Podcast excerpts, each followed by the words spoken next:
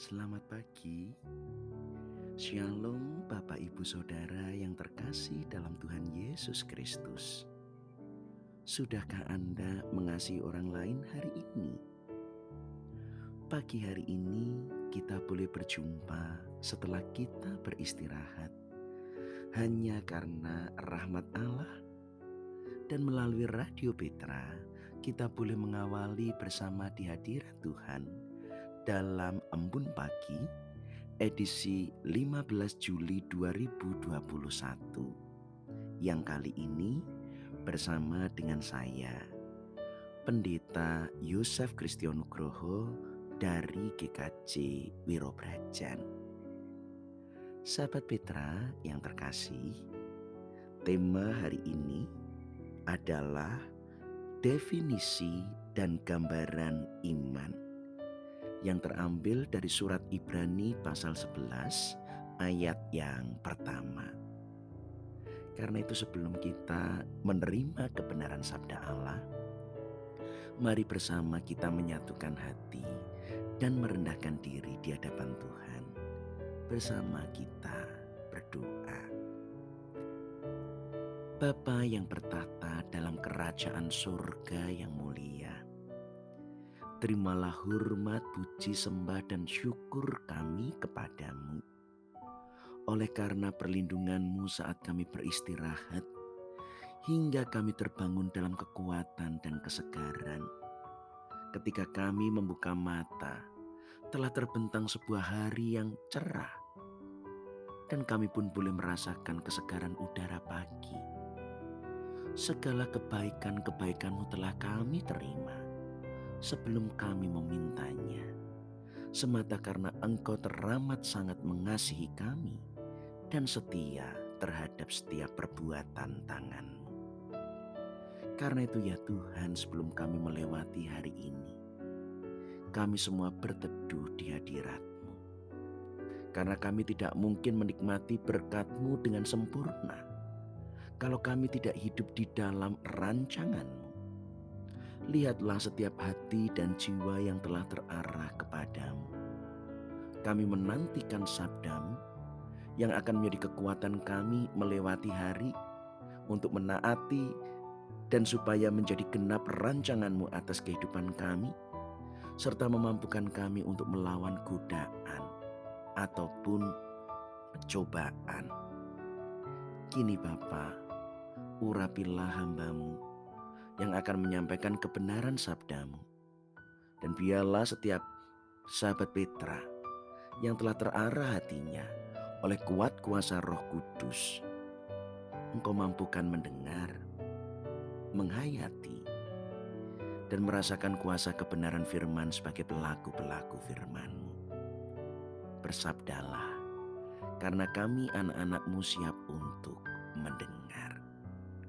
Dalam nama Tuhan Yesus, Putra Allah dan firman yang hidup, kami berdoa dan mengucap syukur. Amin. Sahabat Petra, tema definisi dan gambaran iman terambil dari surat Ibrani pasal 11 ayat pertama yang demikian. Iman adalah dasar dari segala sesuatu yang kita harapkan dan bukti dari segala sesuatu yang tidak kita lihat. Demikian sabda Tuhan, yang berbahagia ialah mereka yang mendengar, menghayati, dan yang melakukan firman Tuhan. Haleluya. Sahabat Petra yang terkasih, segala sesuatu yang kita ambil, lalu kemudian kita pegang, tentunya kita berharap ada gunanya. Misalnya, kita kemudian mengambil dan kemudian memegang gunting. Kita gunakan dengan harapan untuk bisa memotong, atau ketika kita mengambil dan kemudian memegang pensil, tentu harapannya gunanya untuk menulis. Tetapi kalau sekarang kita juga memegang yang namanya iman, itu untuk apa? Gunting terlihat bisa memotong, pensil terlihat bisa menulis. Tapi kalau iman tidak terlihat, lalu untuk apa? Orang mungkin kemudian mengatakan, iman itu kan seperti ilmu. Ilmu itu tidak terlihat, tetapi besar manfaatnya. Baik, kalau ilmu psikologi jelas, manfaatnya untuk menjawab masalah kejiwaan. Ilmu ekonomi untuk menjawab masalah keuangan. Ilmu kedokteran untuk menjawab masalah kesehatan ilmu hukum untuk menjawab masalah keadilan. Setiap ilmu mampu menjawab masalah. Lah kalau iman itu bagaikan sebuah ilmu yang tidak terlihat tetapi besar manfaatnya. Iman untuk menjawab apa? Semua sudah dijawab oleh ilmu pengetahuan. Terus iman untuk menjawab apa? Itulah mengapa semakin zaman maju dan semakin modern, semakin teknologi juga berkembang, orang-orang malah semakin sinis dengan iman. Iman semakin ditinggalkan. Iman dilihat sebagai sesuatu yang tidak logis. Penjelasan iman itu tidak rasional atau tidak masuk akal. Ketika zaman maju dan semua bisa dijelaskan secara rasional, maka iman yang dianggap tidak masuk akal, irasional, akan semakin ditinggalkan dan akan gugur dengan perkembangan zaman. Sahabat Petra yang dikasih Tuhan, tetapi ketika kita berpaling pada firman Tuhan, bukannya iman gugur, bahkan iman begitu penting, iman begitu vital dalam kehidupan kita Ibrani 11 ayat 6 mengatakan, tanpa iman tidak mungkin orang berkenan kepada Allah. Jadi tanpa iman begitu pentingnya. Sebab tanpa iman manusia tidak ada artinya di hadapan Allah. Padahal manusia sejatinya hanya berarti bagi Allah sebagai gambar dan rupa Allah. Matius 17 ayat 20 bahkan mengatakan, iman yang kecil sebiji sesawi dapat memerintahkan untuk memindahkan gunung. Berarti iman adalah suatu kuasa yang begitu besar hingga dapat memindahkan gunung. Atau Roma 14 ayat 23. Segala sesuatu yang tidak berdasarkan iman adalah dosa. Jadi tidak ada yang berkenan di hadapan Tuhan. Bahkan itu sebuah pelanggaran, sebuah dosa. Bapak ibu saudara begitu penting iman. Tanpa iman adalah dosa. Begitu vital iman karena hanya dapat berkenan di hadapan Allah dan juga penuh kuasa karena dapat memindahkan gunung. Tidak ada yang mustahil bagi setiap orang yang percaya. Tetapi kembali pada pertanyaan awal, iman itu untuk apa?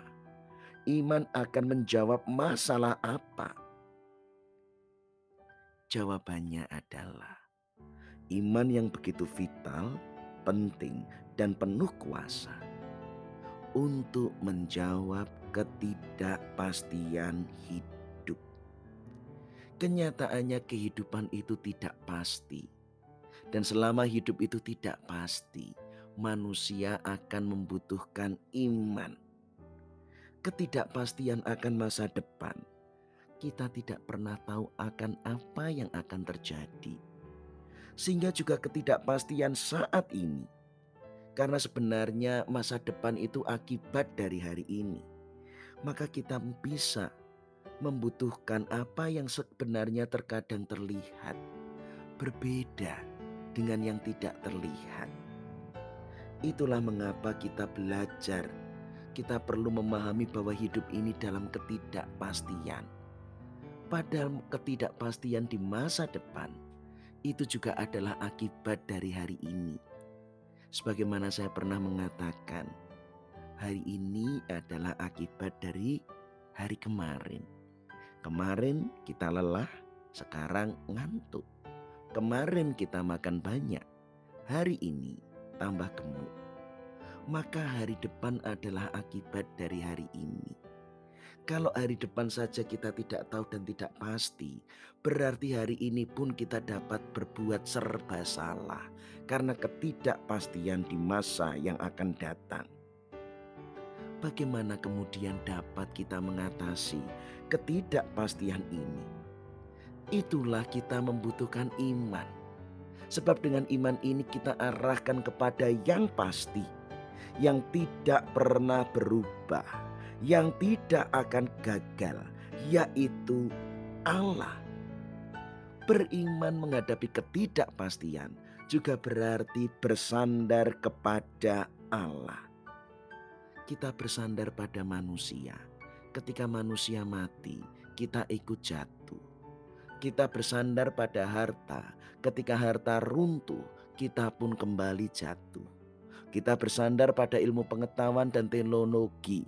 Ketika ilmu pengetahuan dan teknologi pun terbatas, kita pun jatuh. Satu yang tidak pernah berubah, yang tidak pernah gagal, yang tidak pernah ingkar janji, yaitu Allah. Inilah iman dalam ketidakpastian Allah yang pasti, yang tidak berubah, maka kita bersandar dan berpegang pada setiap janji-janji Allah. Sebab janji Allah itu pasti akan terjadi. Sahabat Petra yang dikasihi Tuhan, itulah mengapa hari ini kita belajar tentang iman. Iman adalah dasar dari segala sesuatu yang diharapkan ini berbicara masa depan. Dan bukti dari segala sesuatu yang tidak kita lihat, yaitu bukti pada saat ini, sekalipun tidak terlihat. Artinya, iman adalah dasar. Iman menjadi jaminan bahwa di masa depan, apa yang dijanjikan Allah, di mana kita berpegang penuh dengan percaya, pasti akan terjadi dan menjadi bukti bagi masa kini, sekalipun tidak terlihat, itu benar-benar nyata. Iman adalah jawaban untuk ketidakpastian hidup. Ibarat gunting dan pensil, iman akan menjadi alat untuk menghadapi segala misteri dan ketidakpastian hidup dengan percaya. Dalam ketidakpastian, manusia akan takut, akan goyah, bahkan kemudian kalah. Tetapi ketika kita memiliki iman dan percaya, maka yang terjadi adalah kita semakin tekun, bahkan menjadi tahan uji dan hidup berkemenangan dengan janji-janji Allah. Itulah mengapa sahabat Petra betapa iman itu penting, vital dan penuh kuasa kalau kini kita sudah mengerti bahwa iman adalah gunanya bagi ketidakpastian hidup, kita bertanya, terus bagaimana kita mewujudkan iman? Saya mengajak untuk menghayati tiga hal. Pertama, mewujudkan iman adalah dengan berpegang dan bersandar pada janji-janji Allah. Itu juga berarti bahwa kita harus berani untuk menyangkali diri kita sendiri. Ketika yang kita pegang penuh adalah Allah, sabdanya dan janjinya. Berarti kita pun harus mengalahkan diri kita sendiri.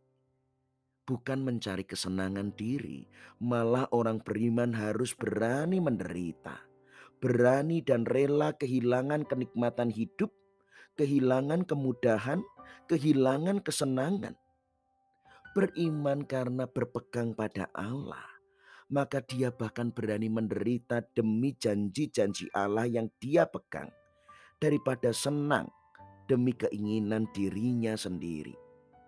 Orang yang berpegang dan bersandar pada Allah maka dia juga berani mempertaruhkan segala sesuatu bagi Allah. daripada segala sesuatu yang ada di dunia ini. Kedua, mewujudkan iman. Itu berarti berani setia dan taat pada Roh Kudus. Itu berarti pula kita harus berani melawan hawa nafsu. Sebab hawa nafsu itu biasanya mengejar yang terlihat kekayaan, kecantikan, kedudukan, kuasa. Nafsu itu selalu diombang-ambingkan dengan yang terlihat, tetapi kuasa Roh Kudus menggerakkan apa yang tidak terlihat. Kejujuran, kebenaran, keadilan, pengampunan itu adalah kuasa roh dan itu bukti-bukti yang tidak terlihat. Maka orang beriman akan mampu melawan nafsunya dari segala yang terlihat dan tampaknya menyenangkan dan baik, tetapi memilih untuk setia dan taat yang tidak terlihat, yaitu kebenaran-kebenaran di dalam kuasa Roh Kudus. Ketiga, mewujudkan iman berarti berpengharapan pada masa depan, sehingga masa kini tidak akan menjadi tujuannya sehingga hidup di dunia ini tidak akan menjadi perhentiannya. Janji Tuhan bagi orang beriman pasti akhirnya terjadi. Ada sebuah kemenangan pada akhir yang dimiliki oleh kebenaran. Maka orang-orang beriman tidak masalah. Kalaupun awalnya pun harus menderita, harus mengalami pahit. Tetapi pasti di akhirnya menjadi manis orang-orang beriman orientasinya pada kekekalan. Saya menggambarkan ibaratnya orang yang hanya pada terarah masa kini. Dia melihat bunga memiliki nafsu untuk memetik. Tetapi orang yang berorientasi kekal, dia memilih melihat bunga untuk menyiram, menanam, memampukan untuk tumbuh, berkembang, bahkan lebih banyak bunga lagi. Lebih banyak yang kemudian dikembangkan lagi sehingga bukan hanya sekuntum bunga, tetapi akan lebih banyak bunga-bunga memekar. Karena dipelihara bukan untuk dipetik.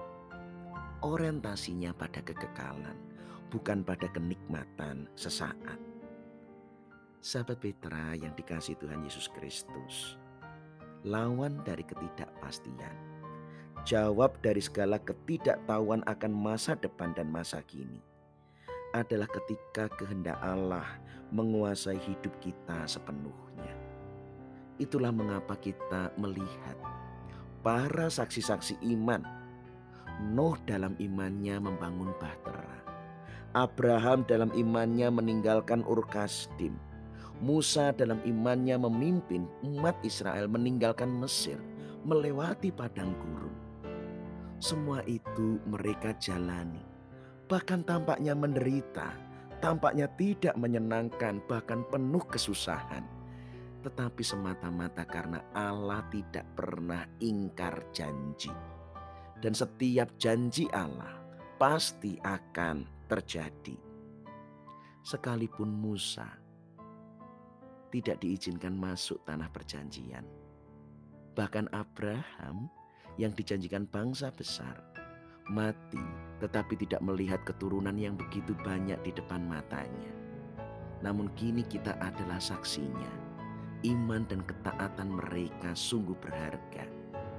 Para saksi iman mengajarkan bagi kita bahwa di dalam dan di tengah ketidakpastian hidup, iman akan membuat kehidupan kita tidak pernah berakhir dengan sia-sia.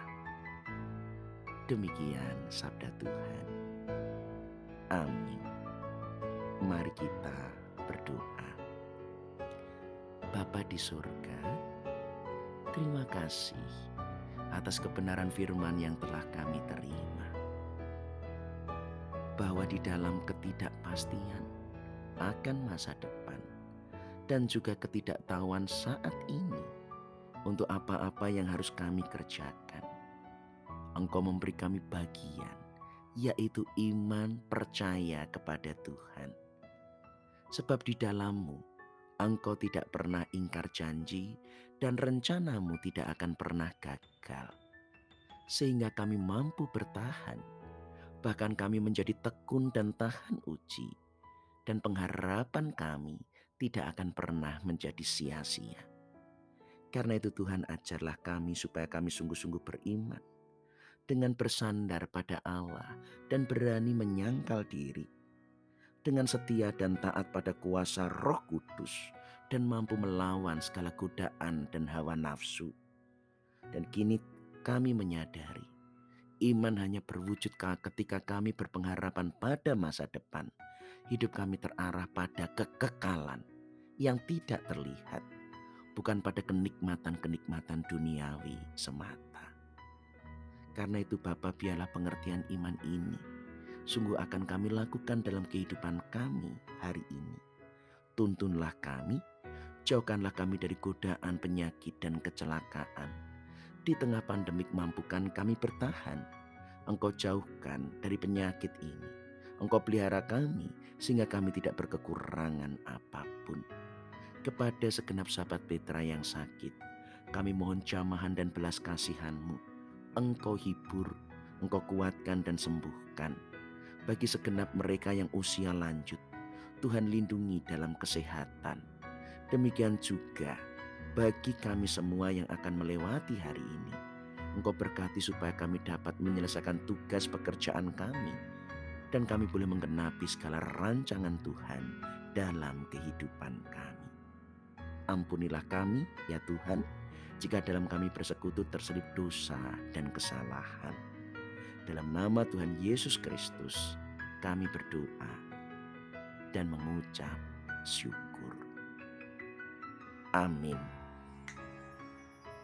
Sahabat Petra yang dikasih Tuhan, demikian kebersamaan kita pada embun pagi saat ini. Mohon maaf kalau ada atur saya yang kurang berkenan. Selamat bersuka cita untuk menikmati hari pemberian Tuhan. Saya Pendeta Yosef Kristianugroho dari GKJ Wirobrajan. Mohon diri. Tuhan memberkati dan melindungi kita. Selamat mengasihi orang lain sepanjang hari ini.